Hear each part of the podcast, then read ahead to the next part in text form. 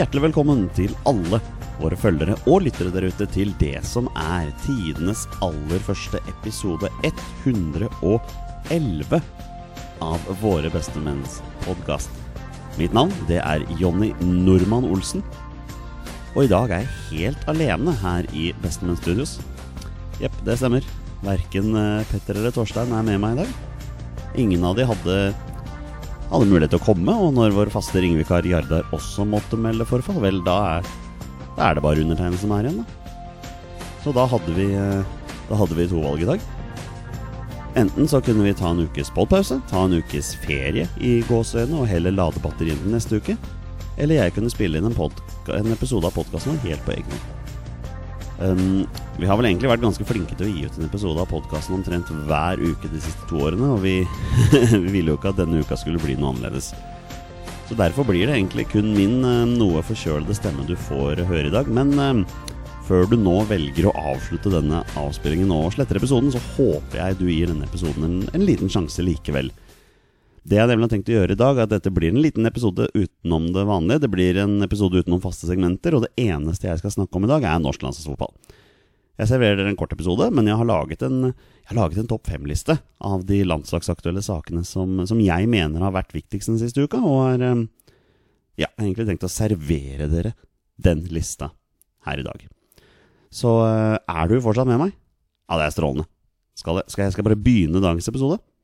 Ja, det syns jeg skal gjøre. Så da gjør jeg det. Og det er skåring, og vi leder mot Brasil. Og det er Petter Rudi som skårer. Norge leder 1-0 mot Brasil. Det er spilt vel åtte minutter. All right, da tenker jeg vi begynner. Bare en liten slurk vann. All right, here we go. Jeg, ehm, jeg begynner dagens episode med femteplassen på min eh, topp fem-liste, og jeg tenker at jeg begynner i det, i det noe positive hjørnet i dag. Vi skal til England, og vi skal til Ørjan Nyland. Han blei den, ble den 70. nordmannen gjennom alle tider som har spilt i Premier League denne helgen. Den, eh, den tidligere førstekeeperen på landslaget hadde en, eh, hadde noe trøblete start på sin Aston Villa-karriere i fjorårets sesong, og det hjalp jo heller ikke at han eh, ja, Var det akillesen han røka i romju- i romjula for, for snart et år siden? Når det gjelder denne sesongen, så har jo Aston Villa hele fire keepere i avstand, slik jeg ser det, og da er det jo ikke unaturlig at det har blitt veldig lite spilletid på Nyland. Men til helgens bortekamp mot Wolverhampton, da var førstekeeper Tom Heaton skadet. Og når reservekeeper Jed Steer ble skadet allerede etter syv minutter, ja, da var det jaggu duket for Ørjan Nyland-show. Det er klart Aston Villa tapte jo kampen 2-1, men for oss som eh, For oss som følger landslaget, så var det jo ganske morsomt da at, at Nyland fikk seg en kamp.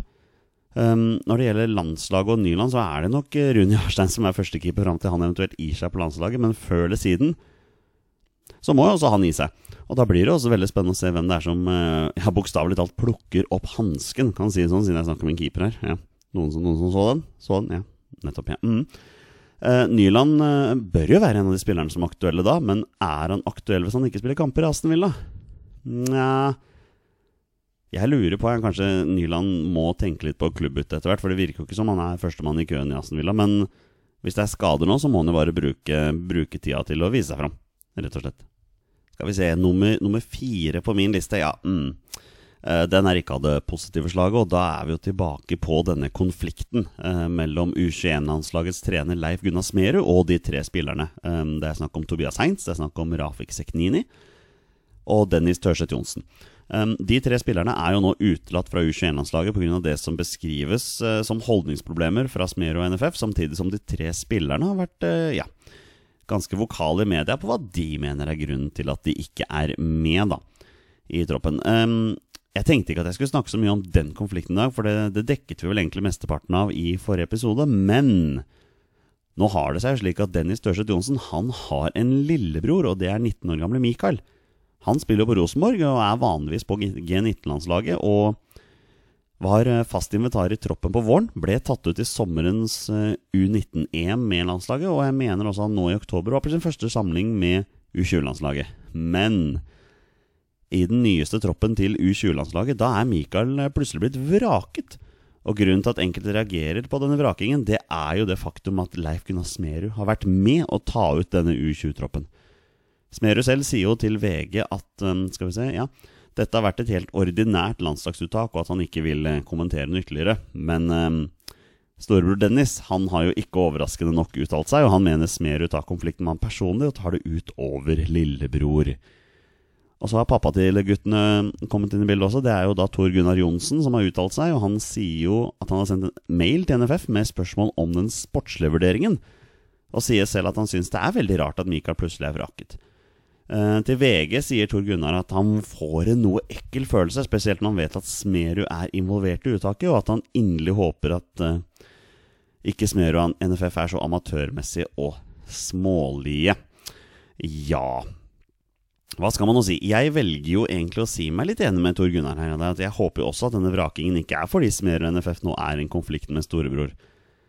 Det er ingen som, ja, i hvert fall ingen av oss vanlige som vet med 100% sikkerhet om denne vrakingen er basert på det sportslige, men når NFF ikke velger å kommentere, så, så blir det jo åpent for spekulasjoner, og det er jo kanskje noe man egentlig skal ha seg litt for god for, men her i denne supporterpodkasten så spekulerer vi som bare rakkeren. Um, jeg jeg syns dette stinker litt, jeg, ja, da.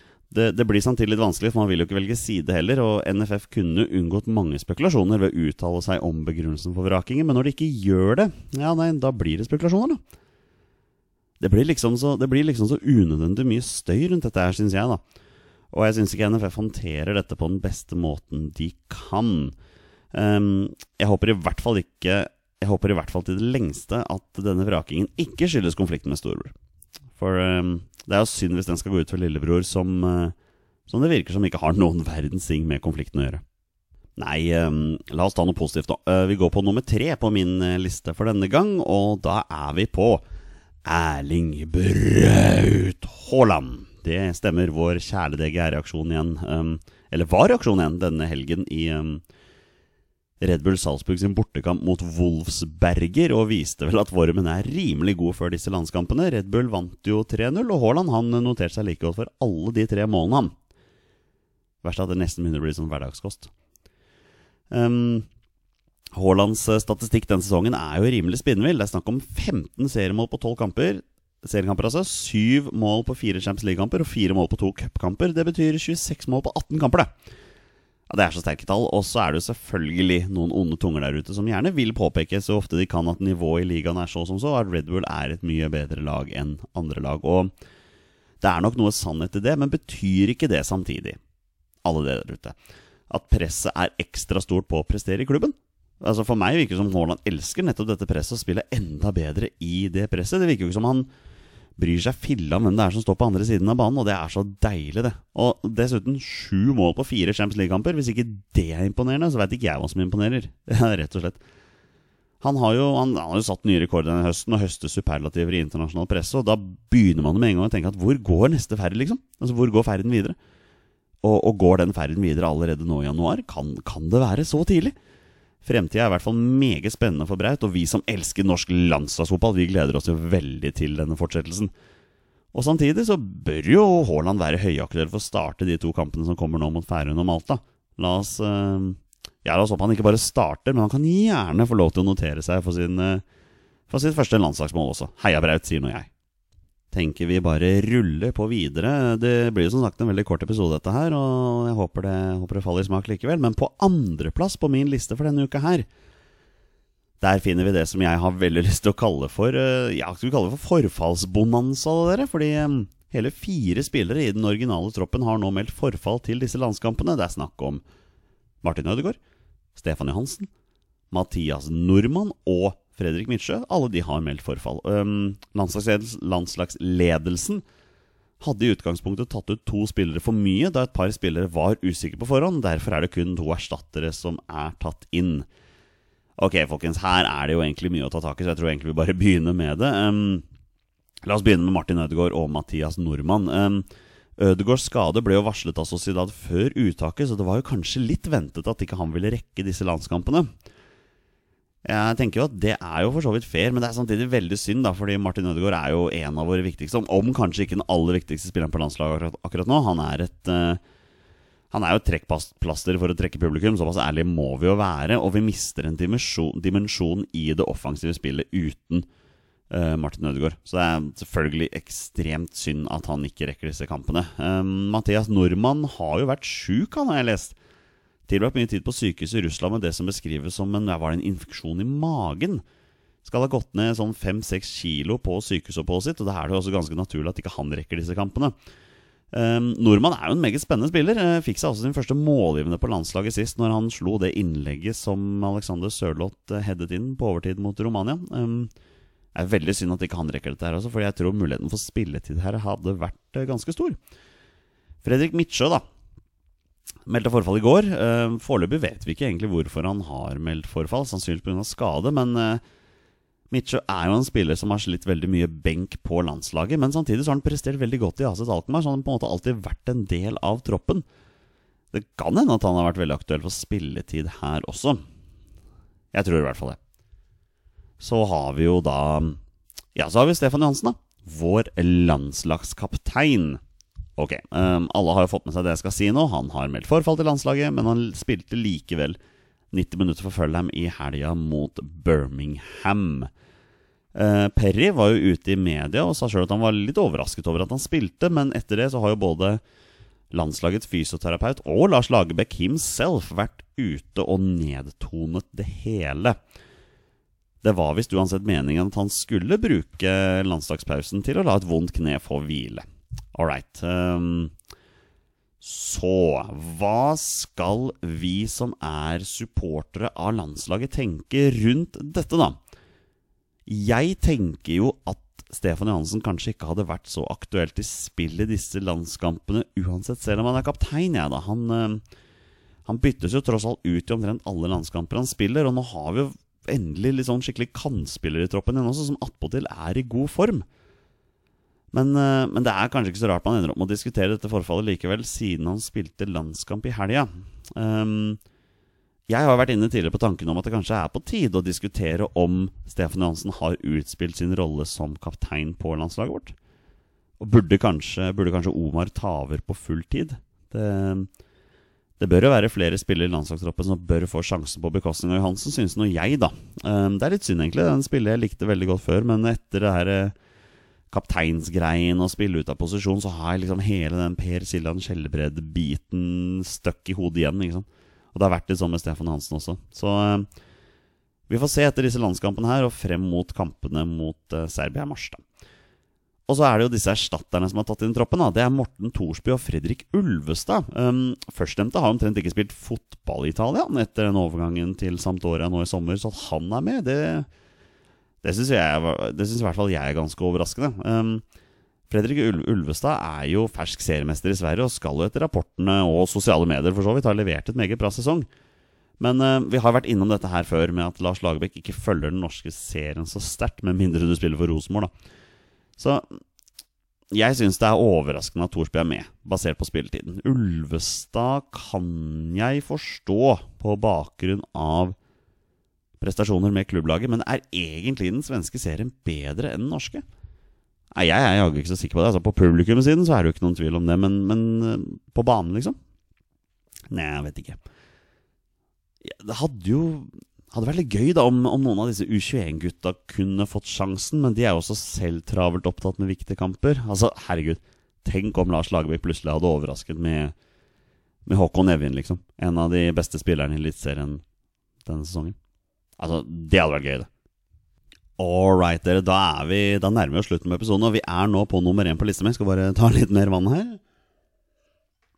Jeg blir så tørr i munnen, du. Um, nummer én på lista mi det er jo naturligvis de to landskampene mot Færøyene og Malta som kommer nå på fredag og mandag. Um, vårt kjære landslag, Norge, skal jo avslutte et landslagsår hvor vi kun har tapt én kamp, um, med det som forhåpentligvis blir to seire nå, da. Og hvis de gjør det, så har jo min påstand fra før sommeren slått til. Fordi i vårt faste segment Påstander så kommer jeg med en påstand før sommeren. At Norge ikke skulle tape flere kamper dette året. Um, jeg møtte jo motbør av mine partnere her i Våre bestemenn, både Petter og Torstein, men jaggu har påstanden min foreløpig vist seg å holde. Og hvis ikke det er motivasjon til alle de landslagsspillerne som hører på denne podkasten her, så veit ikke jeg, altså. Som om noen av de tar seg bryet med å høre på oss. Men det hadde vært veldig gøy hvis de gjorde det likevel. Um, og selvfølgelig skal det jo bli seier mot både Færøyene og Malta. Såpass må vi jo forvente av landslaget vårt. Um, det er jo en eller annen form for syltynn teori her at vi fortsatt kan nå EM direkte via kvalifiseringen, men hvis det skjer, så tror jeg det, da, da snør det en viss plass, altså. Så vi må nok være såpass ærlige og si at det er playoff i Nations League mot Serbia i mars um, som har hovedfokuset. I hvert fall til oss her i Bestemenn. I våre bestemenn, heter det. Så hva kan vi forvente av kampene mot Færøyene og Malta, dere? Vel, jeg i hvert fall, jeg forventer et heltent norsk lag som er klar til å avslutte kvaliken med verdighet. Jeg forventer å se et norsk lag som, som tar kontrollen over begge kamper her og tar, tar de to trepengerne. Men jeg forventer jo samtidig også å se enkeltspillere som viser seg litt fram, nettopp for å forsøke å kanskje kjempe seg inn i elveren da, til de Serbia-kampene i mars. Moi er jo tilbake i landslagstroppen, og Mats Møller Dæhlie er tilbake i landslagstroppen, og begge to er vel fort høyaktuelle for start. Altså, ja nå er jeg jo fullstendig klar over at begge to i utgangspunktet spiller på den samme posisjonen, men uh, ja, kanskje Lagerbäck kunne tryllet inn begge to fra start. Den, den sentrale midtbanen har jo mangler fra forrige tropp, men uh, der er det også spillere som kan vise seg fram. Og på topp der er det jo rimelig sikkert duket for Joshua King og Erling Braut Haaland. Det, det, må jo bli det. Det er jo ingen grunn til at ikke de to skal starte. Og jeg syns jo at Alexander Sørloth har gjort det ganske bra i Tyrkia Eh, denne sesongen. Det har vi jo snakket om i poden før, men nå er det jo litt rykter om at også han er litt sånn småskada òg, da. Det er vel eh, det er mulig han også forsvinner ut der, men eh, det må jo bli King og Braut Haaland. Vi her i Våre bestemenn Vi skal jo på Kampen på på fredag, og vi håper jo flere tar turen. Hvis dere ser oss, må dere gjerne komme bort og si hei. Vi står jo på langsida sånn som vi pleier å gjøre, vi. De eneste tre herremennene som står omtrent på, på langsida der. Um, og greit, jeg, jeg, forstår litt folk her. Det er, det er, midt i november. Det er en kamp hvor det er minimalt å spille for, og sannsynligvis temperaturer ned mot null grader. Men er du supporter av landslaget, så får du selvfølgelig med deg disse kampene her også. Uh, Lagerbäck har jo prøvd å hype opp kampene litt og sier jo at han har forventninger til kampene, at Norge skal vinne begge kampene, og at det er en Fifa-rankingsposisjon å holde på her også. Vi, våre bestemenn, snakket jo om det på starten av året, at uh, Topp 50 bør jo være målet. Vi ligger vel på 46.-plass nå, så det skal være mulig å avslutte på topp 50. Så eh, ja Jeg tenker jeg gir meg med dette her, jeg. Um, ja, dette har jo da til slutt vært mitt forsøk på en aldri så liten solopodkast, bare for å oppdatere våre følgere og lyttere på de ja, på de heiteste landslagsnyhetene, for å si det sånn. Og forhåpentligvis så er vi tilbake med både Petter og Torstein neste uke. Og da da kan dere glede dere til alle faste spaltene våre, heftige landslagsdiskusjoner, mye moro og naturligvis 20 spørsmål helt på slutten. All right? Dette har vært eh, Jonny Normann Olsen i Tines aller første episode 111 av podkasten vår. Jeg sier takk for denne gang, og vi ses jo Bordeaux på fredag. Det må vi gjøre. Vi er våre beste menn. Heia Norge og hei!